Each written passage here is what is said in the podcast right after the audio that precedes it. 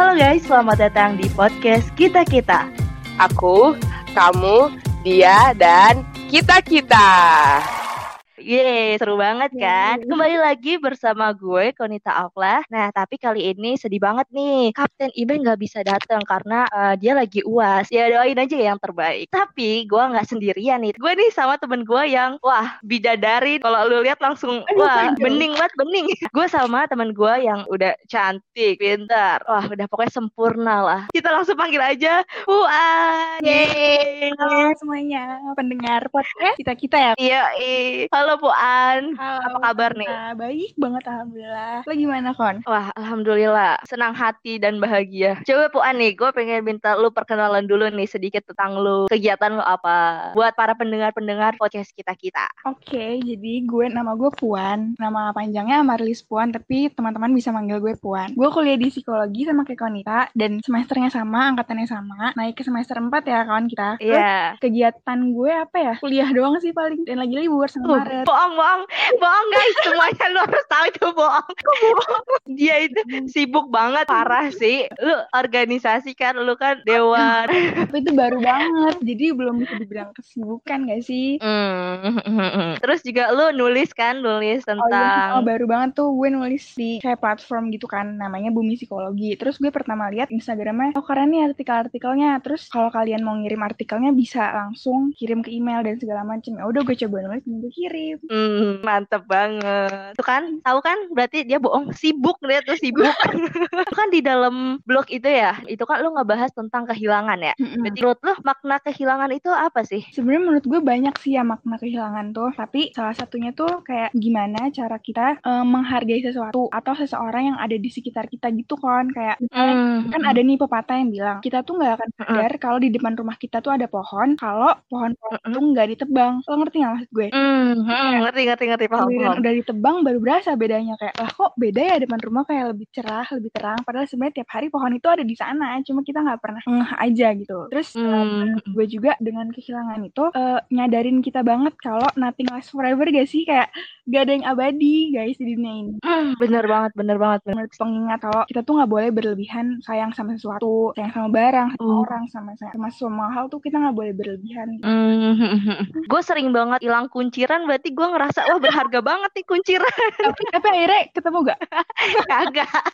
Jangan-jangan lu yang ambil ya. Jadi berarti kita harus menghargai ketika kita kehilangan kita baru bisa merasakan bahwa ternyata itu penting loh. Gitu. Lu kan gue baca lu tulisan lu tuh tentang kehilangan deep banget ya, dalam banget gitu kayak hmm. menjiwai banget. Oh udah baca. Mungkin lu per udah gue mau udah baca. Nah, pasti kan dalam kehilangan ada rasa kayak ah males banget sih, ah capek banget sih, stres nih gue cuma karena kehilangan itu. Bukan cuma ya, tapi yeah, emang yeah. berat banget banget kan. Nah itu cara lu merecover itu kayak gimana sih? Cara healing gue tuh sebenarnya simpel banget kon kayak gue nangis aja sepuasnya. Jadi kan gue kehilangan pada saat itu konteksnya kehilangan bokap gue ya bulan Oktober kan. Nah dari hmm. bulan Oktober itu sampai bulan Januari gue nerbitin tulisan itu kan tiga bulan ya kalau nggak salah. Dari tiga bulan hmm. itu jangan gue cuma nangis nangis aja dari bangun tidur gue nangis. Terus gue berkegiatan gue nangis kayak misalnya mau makan. Karena tuh gue inget sebelum sebelumnya selalu ada nih yang sama gue sosok gitu. Apalagi kan gara-gara corona kan. Jadi semua orang di rumah. Bokap gue jadi di rumah terus jadi mau makan nangis hmm. mau tidur nangis mau sholat pun nangis segala hal yang gue lakuin di rumah tuh pasti bakal sama nangis gitu tiga bulan pertama berat banget tapi karena gue juga suka nulis kan orangnya nulis nulis di note gitu akhirnya gue berusaha sebisa mungkin mengubah emosi-emosi negatif itu menjadi sebuah karya-karya kecil yang bisa dinikmatin sama teman-teman dan alhamdulillahnya hmm. gue banyak feedback positif termasuk dengan ini nih lo dengan ngundang gue di podcast ini kan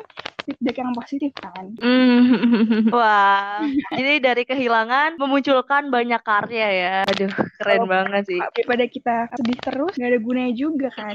bener, bener, bener. Tapi berarti kan nangis itu gak ada yang salah kan ketika nah, kita nangis. Itu gak bagus gak sih memvalidasi hmm. emosi kita, menyalurkan emosi-emosi kita. Nah, bener banget, bener banget. Jadi buat kalian guys yang para pendengar, mau cewek, mau cowok, mau udah tua, mau masih muda, masih anak kecil, nangis aja kalau misalnya emang ada masalah. Hmm. Karena nangis itu ya penyaluran emosi yang baik ya kan? banget bener banget. Walaupun lo cowok nih jangan sampai terkurung sama stigma ah lah masa cowok nangis? Lah emang kalau cowok nangis kenapa? Emang nggak boleh. Kan sama-sama manusia Mm -mm.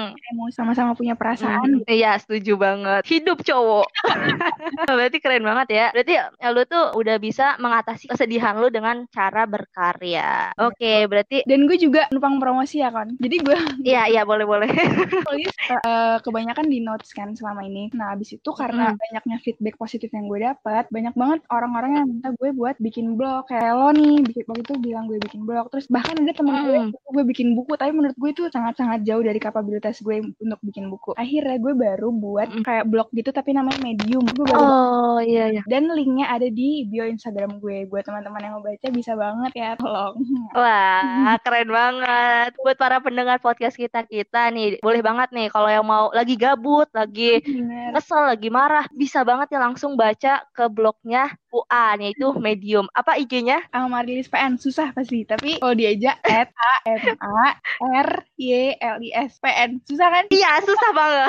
Nanti tuh gua tulis di de- deskripsi ya. Oke, ntar gua juga promoin di uh, Instagramnya podcast kita. Kita biar langsung saja follow IG-nya Puan. Nah, lu nanti akan melihat foto-fotonya Puan. Wah, dia sangat mempesona, guys. Jadi berarti lu bisa tahu nih cara menghil menghealing uh, diri lu sendiri. Mungkin lu bisa nggak sih ceritain kejadian apa yang buat lu tuh sedih karena kehilangan itu? Eh, sebenarnya kalau lo baca nih dari artikel gue yang di Bumi Psikologi itu kan di paragraf awal-awal gue bilang gini gue bacain aja ya. Tetapi apa Mhm. mungkin bagi seseorang mengalami kehilangan terhadap manusia bernyawa dan manusia yang sudah tidak bernyawa secara bersamaan? Menurutku jawabannya iya. Sangat mungkin sebab aku mengalaminya sendiri. Nah maksud gue di situ tuh pada saat itu gue kehilangan dua orang sekaligus. Maksudnya gue kehilangan bokap gue yang udah meninggal sekaligus gue kehilangan orang yang orang yang gue sayang dulu gitu. Jadi ya dalam arti Hmm. putus lah gitu. Gue putus. Terus dua minggu kemudian ada kabar duka. Lo bayangin deh lo Hmm. putus aja tuh lo butuh healing yang bener-bener kalau menurut gue sih healing yang susah ya putus itu. Terus gak lama Hmm. kemudian bokap lo meninggal gitu. Kayak ya Allah gue bener-bener gue gue nggak pernah ngerasain hal yang sesedih itu hal yang seberat itu di dalam hidup gue selama 20 tahun. Gue nggak pernah ngalamin kayak gitu. Jadi kayak gue gue lagi healing nih tentang mantan gue. Gue lagi healing putus gimana caranya gue bisa nerima itu segala macem. Terus tiba-tiba ada kabar duka. Jadi kayak double gitu loh. Jadi sedihnya kayak direkap gitu gue mikirnya. Bener bener bener. Mm-mm, sedih jadi- banget ya pasti. bener-bener sedih. Tapi untungnya yang tadinya gue lagi fokus healing ke putus tiba-tiba gue bener-bener lupa sama hal putus itu. Karena udah ada kesedihan yang lebih berat gitu ngerti gak sih? Jadi jadi gue lumayan lupa lah sama putus-putus itu. Cuma jadi double. Bahkan sampai sekarang kayak gue masih belum bisa healing dengan sempurna deh sama yang putus itu. Hmm. Oh, iya gue ikut sedih atas kejadian lu. Karena itu Iya. pasti hal yang benar-benar ya kita nggak bisa mengendalikan tapi ya kita harus menerima Iya gitu bener kan. banget Gue bener-bener Ini tuh pengalaman pertama sih Gue kayak langsung double gitu Kehilangan dua-duanya Karena gini misalnya gue masih punya pacar nih Atau misalnya gue masih punya orang yang deket sama gue Pas bokap Hmm. meninggal Gue punya orang yang nge-backup gue Nge-backup emosi-emosi gue nge Ya istilahnya ada tempat gue bersandar gitu loh Selain keluarga Nah pas saat itu gue gak punya Cuma ya gak apa-apa sih Gue masih punya teman Gue masih punya keluarga Yang pada saat itu nge-support langsung Jadi Hmm. sama-sama berarti kok Uh, kuat banget ya, kuat. Walaupun mungkin kita ra- awalnya rapuh, tapi semakin kita Iya, iya, rapuh, bener. berarti itu mengajar kita semakin kuat. Wah, keren banget sih. Berarti lu udah, berarti itu pendewasaan ya kan? Iya banget, Iya nggak banget. sih? Itu tuh. Menjadi dewasa ah, itu gak enak Sumpah Gak enak banget gak sih Lo setuju gak? Hmm, setuju, gue setuju banget. Kayak berat gitu. Mungkin karena kita masa transisi kali ya? Iya benar, umur-umur dewasa akhir, eh, dewasa awal menuju dewasa awal susah banget. Iya, bener banget. Jadi buat kalian nih yang masih remaja, itu nikmatin. Karena ketika kalian dewasa, itu bener-bener rasa remaja-remajanya atau masa sebelum-sebelumnya itu nggak bisa, kayak nggak sepenuhnya bisa. bisa kita ba- rasakan gitu ya. Nikmati gitu nggak bisa ya? Iya dan kita tuh bener-bener ngerasainnya sendiri, bener-bener sendiri ya cuma lo yang tahu Hmm, solusinya, lo yang tahu heal cara healingnya, cuma lo gitu. Bener banget, setuju, setuju, setuju banget sih. Eh, dari cerita lu kan yang tadi kan ya emang sedih sih. Kayak ya siapa sih yang nggak sedih? Bahkan tuh penelitian juga menyebutkan bahwa kehilangan yang paling sedih tuh eh, ditinggalkan oleh orang yang kita sayang. Itu boleh nggak sih lu cerita ini? Kenapa sih lu bisa bisa putus atau karena masalah apa? Jadi pokoknya gue nggak bisa aja melanjutkan hubungannya karena secara garis besar tuh uh, visi kali ya, visi gue sama dia udah udah beda dan ada beberapa hal yang menurut gue itu nggak bisa nggak bisa ditoleransi tapi menurut dia bisa gitu. Jadi Oh. kayak menurut gue itu tuh nggak nggak logis nggak masuk akal tapi menurut dia enggak kok bisa bisa aja kayak dia tuh punya pemikiran eh, nggak semua nggak semua hal bisa digeneralisir tapi menurut gue ada kok orang-orang yang juga melenceng gitu ngerti nggak Mhm. Contohnya dalam bidang apa? dalam bidang pertemanan Oh, oh, oh. pertemanan oh iya iya iya Iya. ngerti ngerti ngerti ngerti. pertemanan kan menurut gue ya bisa sih dipisahin antara teman sama pacar kan cuma kalau kalau menurut gue nggak semua orang bisa kayak gitu dan kan selalu ada celah-celah untuk mereka-mereka yang emang mau masuk gitu. menurut beberapa orang kan pertemanan cewek cowok itu biasa aja ya dan emang menurut gue juga banyak sih yang emang berhasil gitu sampai dia nikah dia benar-benar temenan sama sama cewek cowok tuh sama sekali nggak pernah melibatkan perasaan tapi menurut gue ada hal-hal yang kayaknya kok kayak bukan temen gitu. Dan Mhm. dia ngelakuin sesuatu ke teman itu tapi enggak ke gue. Kan aneh ya mas gue kayak nggak masuk akal aja. Eh, waktu dari dia kenal gue sama dia kenal si temen tanda kutip ini tuh duluanan gue kon. Kan Oh. nggak mungkin menurut kalau misalnya dia teman SMA lo atau teman lama lo teman lo kecil nggak apa-apa deh lo kayak gitu. Tapi lo bener-bener baru dan justru lo, lo lebih duluan kenal sama gue. Tapi kenapa lo malah lebih tanda kutip kayak main spesial? Kan dia itu di mata gue. Mhm. mungkin kalau di mata dia dia yang bener. Ya udah nggak apa gue juga nggak ini kan udah pisah juga Mhm. kayak pandangan lo terhadap itu bener ya udah tapi menurut gue salah jadi lebih baik pisah aja daripada tiap hari tuh yang ada cuma ngomongin itu aja yang ada cuma ngeributin hal itu terus menerus berbulan-bulan kan capek juga ya nggak ada solusinya Iya benar-benar. Jadi menurut lu lebih baik ya udah kita pisah gitu ya. beda sih soalnya ininya pandangannya ya nggak sih Mm. definisi sahabat yang beda jenis tuh beda banget menurut gue sama menurut dia Oh. kalau menurut lo gimana menurut lo bisa nggak sih cewek sama cowok tuh temenan orang-orang tuh sebenarnya mandangnya gimana apakah pandangan gue yang salah apa Mhm. gimana sih Kalau gue ya dari gue pribadi itu eh, jadi kan cewek sama cowok ya temenan boleh lah temenan aja tapi ada batasannya kayak gitu. Jadi kan kita harus tahu nih peran ke sini bagaimana, peran ke Hmm. B gimana. Jadi ya menurut gue kalau misalnya harus tahu konteks perannya sih memperlakukan Iya, orang benar. itu ke A beda, ke B beda. Gak bisa kita menyamakan semuanya karena berarti kalau di Hmm. psikologi sosial nih berarti kita belum bisa membedakan antara konteks peran di mana kita eh, hidup gitu. Contohnya gini, kalau misalnya kita BEM, nah terus kita memperlakukan di rumah kita kita sebagai ketua BEM misalnya, berarti kan itu kan kita nggak tahu peran kan? Iya iya benar. Kita nggak bisa menempatkan peran kita yang tepat. gitu Iya, ya. betul banget. Jadi menurut gua ada batasannya. Ya lo harus menyesuaikan peran lu sebagai apa gitu. Mungkin hampir sama ya menurut lu juga kayak gitu kan? Iya dan misalnya gue nanya nih ke cewek-cewek juga rata-rata sama. Kayaknya emang beda deh pandangan cewek sama cowok. Cewek cowok tuh ngerasa dia bisa ngebatasin diri gitu. Pada kenyataannya benar bisa ngebatasin diri. Cuma di mata kita sebagai cewek itu tuh terlalu di luar batas. Harusnya lo nggak ngelakuin itu gitu. Iya, Jadi benar-benar. itu beda sudut pandang aja. Tapi Iya. tetap sih gue sampai kapan pun misalnya gue sama siapa pun lagi nanti gue tuh bakalan jadi hal yang nggak bisa gue toleransi. Hmm, hmm. Tuh guys, udah tahu kan tipsnya sekarang. Tapi emang kalau misalnya kita udah nggak sefrekuensi sih emang udah nggak enak ya, udah nggak nyambung juga. Dan juga karena corona sih sebenarnya. Jadi sebelum corona itu kan kalau nggak salah bulan Maret itu gue masih bener-bener bagus-bagus aja gitu hubungannya nggak ada masalah apa-apa kan masih ngampus juga kan. Jadi kayak Hmm. ya tiap hari ketemu lah. Ya semoga gue doain ya lu dapat yang lebih baik, yang Amin, yang lebih plus plus lah dari yang sebelumnya ya. amin. Sesama jomblo harus saling mendoakan ya. Oh ya, gue juga mendoakan untuk para jomblo pendengar nih, pendengar podcast kita Oh kita iya, yang benar. jomblo. Ya semoga Supaya- mendapatkan yang lebih baik, eh, yang baik, yang lebih baik. Paling penting yang sesuai kriteria. Iya. Kayak nggak ada protes-protes lagi. Bener banget, setuju banget. Nah mungkin kan tadi kita udah bahas tentang kehilangan ya. Mungkin itu bukan dalam konteks pasangan aja, cuma kan kita sering nih kehilangan temen, temen dekat atau orang-orang yang kita sayang. Menurut lu gimana sih tanggapan lu buat orang-orang yang tiba-tiba hilang gitu? Temen atau apa nih? Ya katakanlah temen lah. Kalau menurut gue, karena gue juga beberapa kali ngerasain itu, eh, misalnya gue punya teman SD nih, dulu Hmm. tuh pas SD deket banget sampai kayak nginep terus segala macam ketemu or- orang tua keluarga juga udah kenal, eh tiba-tiba pas udah lulus sampai sekarang tuh udah nggak pernah nggak pernah ada kontak lagi, malah cuma kayak sebatas viewer story doang. Hmm. Menurut gue itu cuma karena salah satu dari kita tuh eh, nggak berani buat reaching out duluan gitu, nggak berani buat ngekontak duluan karena eh, gue punya teman SMA, teman sebangku dari kelas 1 sampai kelas 3 teman sebangku. Nah pas lulus tuh gue bener sama sekali lost kontak sama sekali nggak pernah nggak pernah kontak-kontakan. Terus tiba-tiba pas bulan Juli kemarin dia nge-email gue panjang lebar. Pokoknya dia tuh bilang kalau "Eh, kita tuh udah lama gak ketemu. Gue nggak tahu kita kenapa tapi yang gue rasain kita kayak jauh aja. Pokoknya intinya dia bilang kayak gitu. Hmm. Itu kan berarti dia katanya dia udah berani buat ngekontak duluan dan gue juga feedback gue bagus. Mm, Nah, jadi mm. menurut gue kalau misalnya kita berani aja sama teman-teman lama kita, sama teman-teman yang hilang itu buat ngekontak duluan, menurut gue itu bakal bakal bisa jadi temenan lagi sih. Karena kan kadang kita tuh gengsi, kayak ah enggak gue Iya. takut dia ntar, ntar dikira SKSD atau enggak gue takut dia ntar dia sombong. Padahal sebenarnya belum tentu. Coba aja reaching out duluan, coba chat duluan gitu. Wah, basi. mantap banget. Tipsnya nih buat yang kita ngerasa kayak, wah ini orang tiba-tiba hilang kok, ini tiba-tiba menjauh ya. Mungkin ada komunikasi yang harus dibangun lagi. Iya,